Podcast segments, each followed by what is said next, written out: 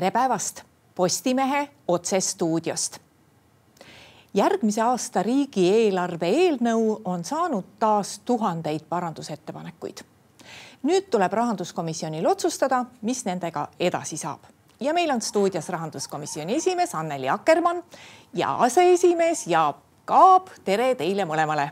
tere. tere päevast no Anneli, milline see pilt siis praegu on, et eh, kas nende EKRE on omalt poolt teinud eh, kaks tuhat seitsesada muudatusettepanekut ja kaks ülejäänud opositsioonierakonda on teinud üks neist alternatiivse eelarve ja teine siis suhteliselt mõistliku arvu parandusettepanekuid või muudatusettepanekuid, aga kuidas teile see üldine pilt paistab, kas keegi neid jõuab lugeda ka mm? -hmm. noh, komisjoni esimees ikkagi peab nad kõik eh, läbi lugema, vähemasti diagonaalis, aga jah, et et äh, riigieelarvega saab opositsioon töötada mitmel erineval moel ja tänuväärselt äh, siis Keskerakond esitas äh, loetud arvu kolmkümmend oli teil vist. jah, me tegime ikka ainult sisulised. muudatusettepanekud, mis on sisulised, mida saab arutada mõistlikes määrades, saab kokku leppida. alati on midagi ka opositsiooni ja koalitsioonierakondade vahel kokku lepitud seoses eelarve menetlusega, et on võimalik nagu arutada, et ütleme, mõistlik kogus mõistlikes summades on lauale pandud.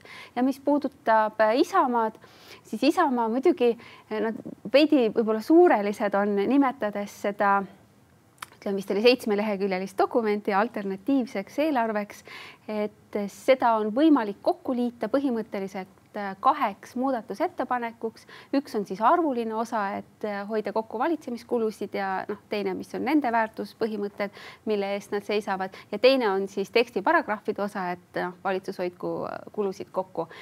Et noh, need on ka nagu arutatavad ja läbiräägitavad, kuigi võib-olla nad seda alternatiivse eelarve nende kohta palju öeldud. Aga noh, EKRE puhul on see, et nad on läinud nagu sellisesse äh, nagu lahendamatusse või läbi, läbirääkimatusse obstruktsiooni, et eh, seitsesada nelikümmend viis oli minu arvates riigieelarve seadusele neid muudatusi, ülejäänud sajad ja tuhanded on siis teistele seadustele, mis tuleb võtta enne riigieelarve seadust eh, vastu, näiteks noh, riigilõivude tõstmised ja jah, seal keskkonnatasud, eh, ütleme, neid on erinevaid noh, tegelikult on seal niimoodi, et neid muudatusi on esitatud äh, erinevate komisjonide menetluses olevatele eelnõudele, kus esimesed lugemised on toimunud saalis, ka sellistele, mis otseselt eelarvet ei puuduta, nii et, et nad on üritanud üle välja äh, teha võimalikult palju muudatusettepanekuid, et kui teisel lugemisel saali tuleb, siis on võimalik võtta neid kümneminutilisi vaheaegu ja pidurdada menetlemist äh, noh, kui mitte ei suuda ära hoida riigieelarve sellisel kujul vastuvõtmist, sest noh, on tegelikult koalitsioonil ka teatud instrumendid, kuidas tegelikult olulisi seadusi saab vastu võtta, mis ei ole ka hea, kui kogu aeg usaldusega valitsus peab seadusi vastu võtma. aga ta kipub selles suunas minema, ainult probleem on ka selles, et kõik need, mis on siis eelarve, riigieelarvega seotud veel eelnõud ja kus on juba jõustumistähtajad näiteks esimene jaanuar, et saab olema väga problemaatiline, kui äh, neid ka siis nüüd sadu muudatusettepanekuid nende menetlemisel saalis hääletame, siis ei ole eriti tõenäoline, et me suudame vastu võtta või me peame töötama siis kõik äh, nädalad ja päevad ja täiendavad ja erakorralised istungid. et äh, see on selge joon jah, et äh, noh, mina võin öelda Keskerakonna fraktsiooni nimel, et me tegime noh, nii-öelda ka obstruktsiooni kevadel, kui tulid väga kiirkorras need maksueelnõud, käibemaksu tõstmine, tulumaksu tõstmine ja siin ka kõik äh, sidusrühmad ja huvitatud rühmad kurtsid, et nad ei ole saanud oma arvamust avaldada, ei olnud nagu eriti selge, kuidas see ka mõju on tulevikus. et äh, siis me rakendasime obstruktsiooni, aga nüüd sügisest saadik me seda teinud ei ole. me oleme arutanud seadusi, kõiki eelnõusid äh, sisuliselt ja oleme teinud ka sisulised muudatusettepanekud. et mis edasi, ongi raske öelda, eks siis eks see pall on ikka koalitsiooni käes, et mõistlike asjade juures me toetame, aga kuidas lahendada seda ummikut nüüd seal Riigikogus, see on palju keerulisem küsimus no kui palju võiks olla neid eelnõusid, mida saab toetada või mille puhul vähemalt on mõttekas arutelu avada? Ja mis need teemad on? ja mõned asjad võib-olla võib ka siis hoopis kõrvale heita, noh, mis, mis on selle nüüd sellise umbeajamise obstruktsiooni puhul halb, et noh, nad soovivad esile kutsuda erakorralisi siis Riigikogu valimisi, mis ei ole nagu seaduslik eesmärk iseenesest, et kui tulevad ka teistes riikides erakorralised valimised, siis need tulevad seetõttu, tõttu, et ei suudeta kokku panna sellises kombinatsioonis eelarvet, millele tuleks taha enamuse Riigikogu liikmete toetus. aga praegu on ju kuuskümmend Riigikogu liiget, on koalitsioon ja, ja eelarvele on toetus olemas ja kõikidele teistele seaduseelnõudele ka.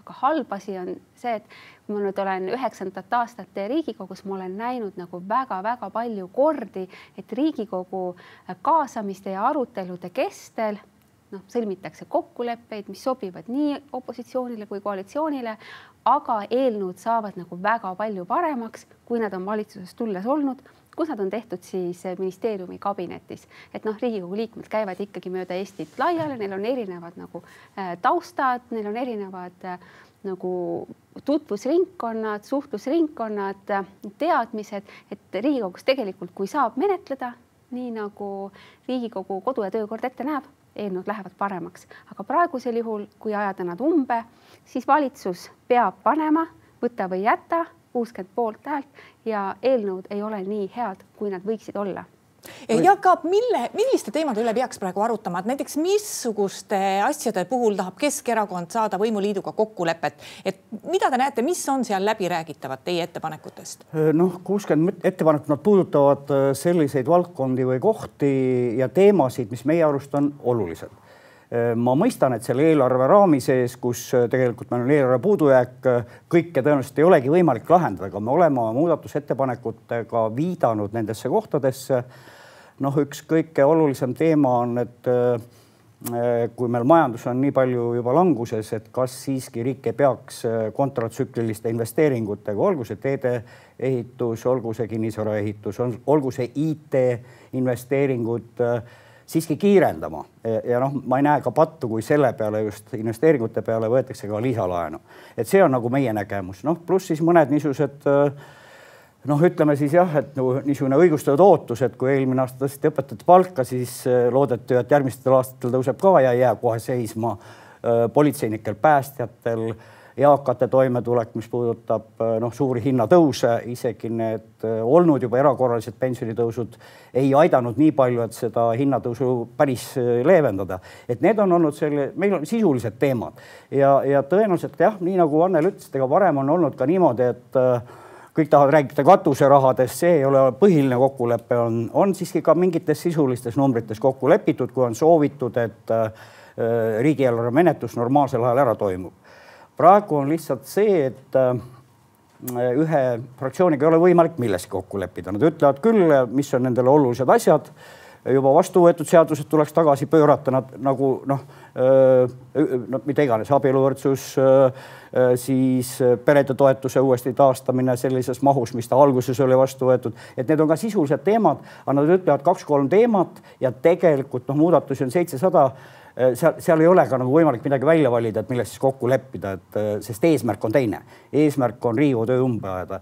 ja üks probleem, mis nüüd hakkab tulema, on see, et noh, näiteks äh, rahanduskomisjon võttis välja ka kaks eelnõud praegu Riigikogu saalist, kuna sinna tuli ka kakssada muudatusettepanekut või sada viiskümmend kokku, mis olid seotud näiteks äh, Euroopa Liidu abiga Ukrainale, Euroopa Arengupanga abiga Ukrainale, kus siis meie ka oma nagu garantiid ja abiotsused äh, teeme. Ja need nüüd seisavad noh, ma ei tea, kui kiire nendega on, aga puht sümboolselt ei ole see ka kena, eks, et, et noh, tegelikult me oleme selles teemas pea konsensuslikud, EKRE vahepeal ajab imelikku juttu, et, et, et niisugused vajalikud asjad tuleks vastu võtta, me ei saa seda teha, sest neid muudatusettepanekuid on ka sinna esitatud täiesti noh, arutul hulgal või mingi maamaksukorralduse seadus, kus on tehniline isegi ja sinna kakssada muudatust. nii et noh, tehakse võimatuks Riigikogu saalis seadusi teisel lugemisel menetleda või vastu võtta ja ma ei tea, see on, see on tõsine, tõsine probleem. Äh, tegelikult kevadest saadik on ju otsitud ka mingit kokkulepet, kas ei ole võimalik poliitilist kokkulepet Riigikogus äh, leida. Keskerakonna fraktsioon on teinud ettepanekuid, me võtsime tagasi ka osa obstruktsiooni ajal antud eelnõusid. Isamaa on täpselt samuti teinud, aga EKRE pole nõustunud ühegi nagu sammuga. Anneli, kuidas nüüd on, et sellele teisele lugemisele lähete kõnepulti teie? et see, et selles mõttes, et missuguste, missuguste ettepanekutega te sinna lähete, et mis te rahanduskomisjoni poolt ütlete, et mida siis rahanduskomisjon toetab või kuidas see kõik välja näeb, arvestades kogu seda eelnevat, millest siin praegu juttu on olnud? Äh, kui ma nüüd äh, need äh, muudatusettepanekud olen läbi lugenud, siis ma arvan, et hea selline platvorm, mille, mille osas võiks nagu kokku leppida, võiks olla hariduskulud ühel või teisel kombel ja, ja nüüd peab selle kontratsüklilisuse ka veel natuke lahti rääkima. et ma just Urmas Reinsalu kõnesid kuulasin, et eriti kui ta siin esimeheks valiti, et eelarve ei ole kontratsükliline, siis vastupidi, eelarve on nagu väga viimase piirini kontratsükliline ja see tsüklilisus tähendab siis ja kontratsüklilisus tähendab seda, et kui majandust on vaja saada kasvama, siis äh, mitte ei koguta reserve, vaid äh, võetakse laene ja antakse siis majandusse täiendavat raha, on see siis äh, riigiametnike palkade tõusuga, on see investeeringutega, tellimusega ettevõtetele või ka sotsiaaltoetustele, lihtsalt antakse nagu raha riiki siis kasutusse. ja defitsiidis eelarve tähendabki seda, et võetakse üle miljardi laenu ja tellitakse majandusüksustelt ja ka tõstetakse siin mõnesid äh, toetusi ja pensionid tõusevad. et selles mõttes eelarve on viimase piirini kontratsükliline, et praegu on majanduslangus, majanduslangus on peatunud, näitab peatumise märke. järgmiseks aastaks prognoositakse väikest majanduskasvu ja eelarve tegelikult oma just defitsiidist väljas olemisega ja laenu, laenu võtmisega suurendab või õhutab seda majanduskasvu et praegu, et kui praegu me hakkaksime reserve moodustama, siis see oleks nagu täiesti vale ja oleks noh, ütleme siis mõjuks majanduskasvule laastavalt. aga noh, küsimus on, mis nüüd Jaak rääkis, et küsimus on see, et kas me võiksime nagu veel rohkem laenu võtta, aga noh, kaks koma üheksa protsenti on defitsiit Euroopa Liidu siis äh, kokku lepitud äh, määr on, et üle kolme protsendi defitsiiti ei minda. Ja noh, uued eelarvereeglid, mida Hispaania eesistumise ajal veel sellel aastal loodetakse jõustada, on siis eh, niivõrd palju leebemad, et kaitsekulude suurendamist lubatakse noh, tahetakse siis lubada, veel pole vastu võetud, väljapool seda kolme protsendi nõuet.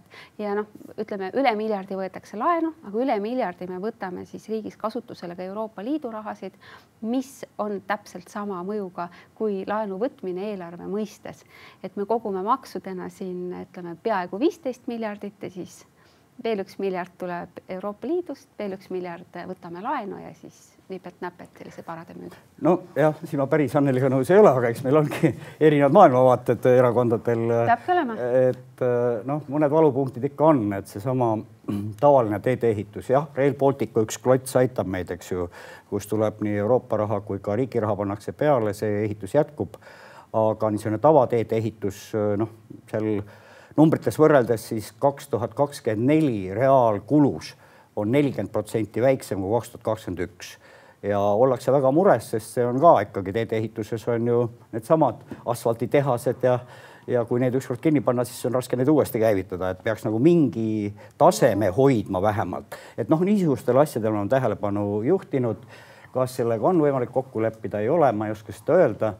et äh, et äh, aga kuidas sellest edasi saaks minna, noh, me teame ju kõik, et kevadel osa eelnõusid seoti usaldusega. Noh, ma ei tea, mis koalitsioon teeb, võib-olla teeb ka siis selle praegu, et eelarve, võib-olla mõned tähtsamad eelarvega seotud seadused seotakse usaldusega, see tähendab, et äh, neid muudatusettepanekuid ei ole vaja kõiki tuhandeid hääletada, vaid see tulebki ühe hääletusega, usaldusega, siis võetakse vastu. Äh, noh, president on jälle viibutanud veidi sõrme, et kõiki seadusi usaldusega ikka vastu võtta ei saa, et ei ole nagu kohane äh, parlamentaarsele vabariigile. Ja ega Riigikogu, kogu Riigikohus ju ka arutas seda obstruktsiooni, et kuidas nende põhiline soovitus on, leppige ikka kokku, et kas kohendage siis töökodakorra seadust, et ja ega seal väga täpselt ei öeldud, seal ühest küljest peab mõistlikult saama menetleda kõiki seadusi, teisest küljest opositsioonil peavad olema õigused. ja nüüd on siis lihtsalt küsimus, kui suured need õigused on ja, ja siin saab olema siis selles suhtes küll huvitav vaadata. ma ei usu, et EKRE midagi tagasi hakkab võtma, ma, ma ei tea, noh, mis see kokkulepe peaks olema. et noh, tegelikult Riigikohus viitab ka sellele, et kui teatud punkti on piisavalt aega käsitletud, isegi kui kõiki muudatusi ära ei hääletata, siis juhataja lõpetab selle punkti käsitluse. just asja pole veel Riigikogus juhtunud, see kindlasti äh, kaevatakse Riigikohtusse näiteks. et ega me ei tea, neid, neid variante tegelikult selle umbsõlme lahendamiseks on mitu äh, ja millise siis koalitsioon valib, ma ei tea, eks midagi teha ei ole. Äh, valitsuskoalitsioon praegu juhib ju seda eelnõude menetlemist ja, ja siis meie peame vaatama, milline see valik tehakse no Anneli, millal te teete selle otsuse, et kuidas edasi minnakse, et vaatate kõigepealt selle teise lugemise ära, et mis siis saab, jah mm,? ma arvan, et seda otsust juba kaalutakse ja ütleme, mida nüüd valitsus kindlasti ei tee, et kuna niikaua, kui on tugev koalitsioon, et on kuuskümmend saadikut siis äh, Riigikogus toetavad äh, valitsuse toimimist, sealhulgas eelarve ja kolmeteistkümne siis eelarvega seotud eelnõu vastuvõtmist, et niikaua kui hääled on olemas, siis nagu hääletatakse need läbi, et see usaldushääletus on kõige viimane võimalus, aga ta on võimalus ja kindlasti enne kasutatakse kõik muud ära, aga see ei kao laualt mitte kusagile. aga kui nüüd tuua meil rahanduskomisjonis näitena kakssada muudatusettepanekut maamaksu teate kätte toimetamise seadusele, mis tähendab seda, et maamaksuteadet edaspidi ei toimetata kätte paberil, vaid iga siis maaomanik annab oma äh, siis meiliaadressi, kuhu siis saadetakse talle see teade ja siis, kui viie päeva jooksul selle teate saatmisest sellele meiliaadressile loetakse teade kättesaaduks. Ja nüüd on kakssada muudatusettepanekut selle viie päeva muutmiseks kuus, seitse, kaheksa. ehk kakssada päeva. kakssada päeva nagu kakssada erinevat muudatusettepanekut, üksteist päeva, kaksteist päeva, kakssada viis päeva. nii noh, näiteks seda võiks nüüd küll arutada Riigikogu suures saalis niimoodi, et ma küsisin ka EKRE fraktsiooni käest, et järsku te siiski valite selle ühe päeva välja, noh, mitu. ühe määra. ühe päeva siis, et mitme päeva jooksul loetakse siis e-kiri kättesaaduks. Ei, ma ütlesin, et võib-olla te siiski võtate need ettepanekud tagasi, sest viis tööpäeva on ikkagi mõistlik aeg, et iga inimene võiks oma riigiga suhtlemise mailbox'i lahti teha tagasi nad ka ei võta. aga mida suur saal nagu noh, võiks teha, on see, et ta paneb siis ühe versiooni hääletusele. kui see saab koosseisu enamuse hääled, siis ülejäänud võiksid nagu välja langeda, sellepärast et on üksteist välistavad nagu muudatusettepanekud. Et see on nüüd üks, üks võimalus ja see on nüüd üks nendest eelnõudest, mille vastuvõtmine on seotud riigieelarve vastuvõtmisega. ta otseselt ei ole, ei ole selles mõttes, et no,. pigem korralduslik eelnõu jah. see on puhtalt mm. korralduslik, et see kirjade paberil saatmine maksab riigile nelikümmend tuhat tuhat äh, eurot, et see nelikümmend tuhat eurot sinna maksuameti nagu tegevuskuludesse noh, mahub ära nii ehk naa, et äh, riigieelarve sellest nagu tasakaalust välja kindlasti. rohkem mõjutavad need riigilõivud, keskkonnatasud ja nii edasi, kus me oleme ka kriitilised olnud üle põllu lihtsalt mm. suhteliselt kiiresti riigieelarve täitmiseks, et ei olnud aega kooskõlastada nende sektoritega, ettevõtjatega. Et see on küll üks miinus, mis oli nende riigieelarvega seotud eelnõudel et oleks võinud võtta rohkem aega, võib-olla oleks võinud neid jõustada ka kunagi hiljem, poolest aastast nii edasi, et nüüd on esimesest jaanuarist ja, ja neil on päris suured mõjud, mille üle nagu ei ole läbi räägitud. aga mis puudutab nüüd riigieelarvet ennast, siis olgu ta hea või halb, kas me saame seal mingeid kokkuleppeid, ei saa.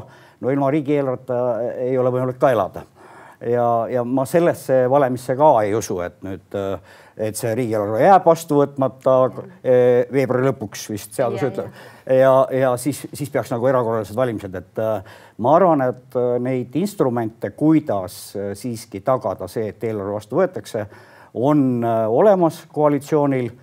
nii et ähm, ta natukene niisugune äh, kuidas siis öelda, kahju on jah, et mõned vajalikud eelnõud, mis ei ole veel üldse riigieelarvega seotud, jäävad ka nüüd, lükkuvad kuskile tulevikku, sest me ei saa neid menetleda, äh, sest äh, riigieelarvega seotud eelnõud ja riigieelarve panevad plokki kogu töö. Noh, seal on küll teatud võimalusi täiendavaid istungeid teha kindla päevakorraga, näiteks võtta siis need eelnõud, mis siis tingimata on vaja, aga, aga pigem oleks targem, kui, kui oleks see kokkulepe, oleks mõistlikud ettepanekud, et saaks sisuliselt arutada. praegu ju see kümneminutiliste vaheaegadega, ega me sisuliselt ei aruta, me lihtsalt istume seal ööde kaupa. öösel. kuidas teil eile rahanduskomisjonis läks? See teema?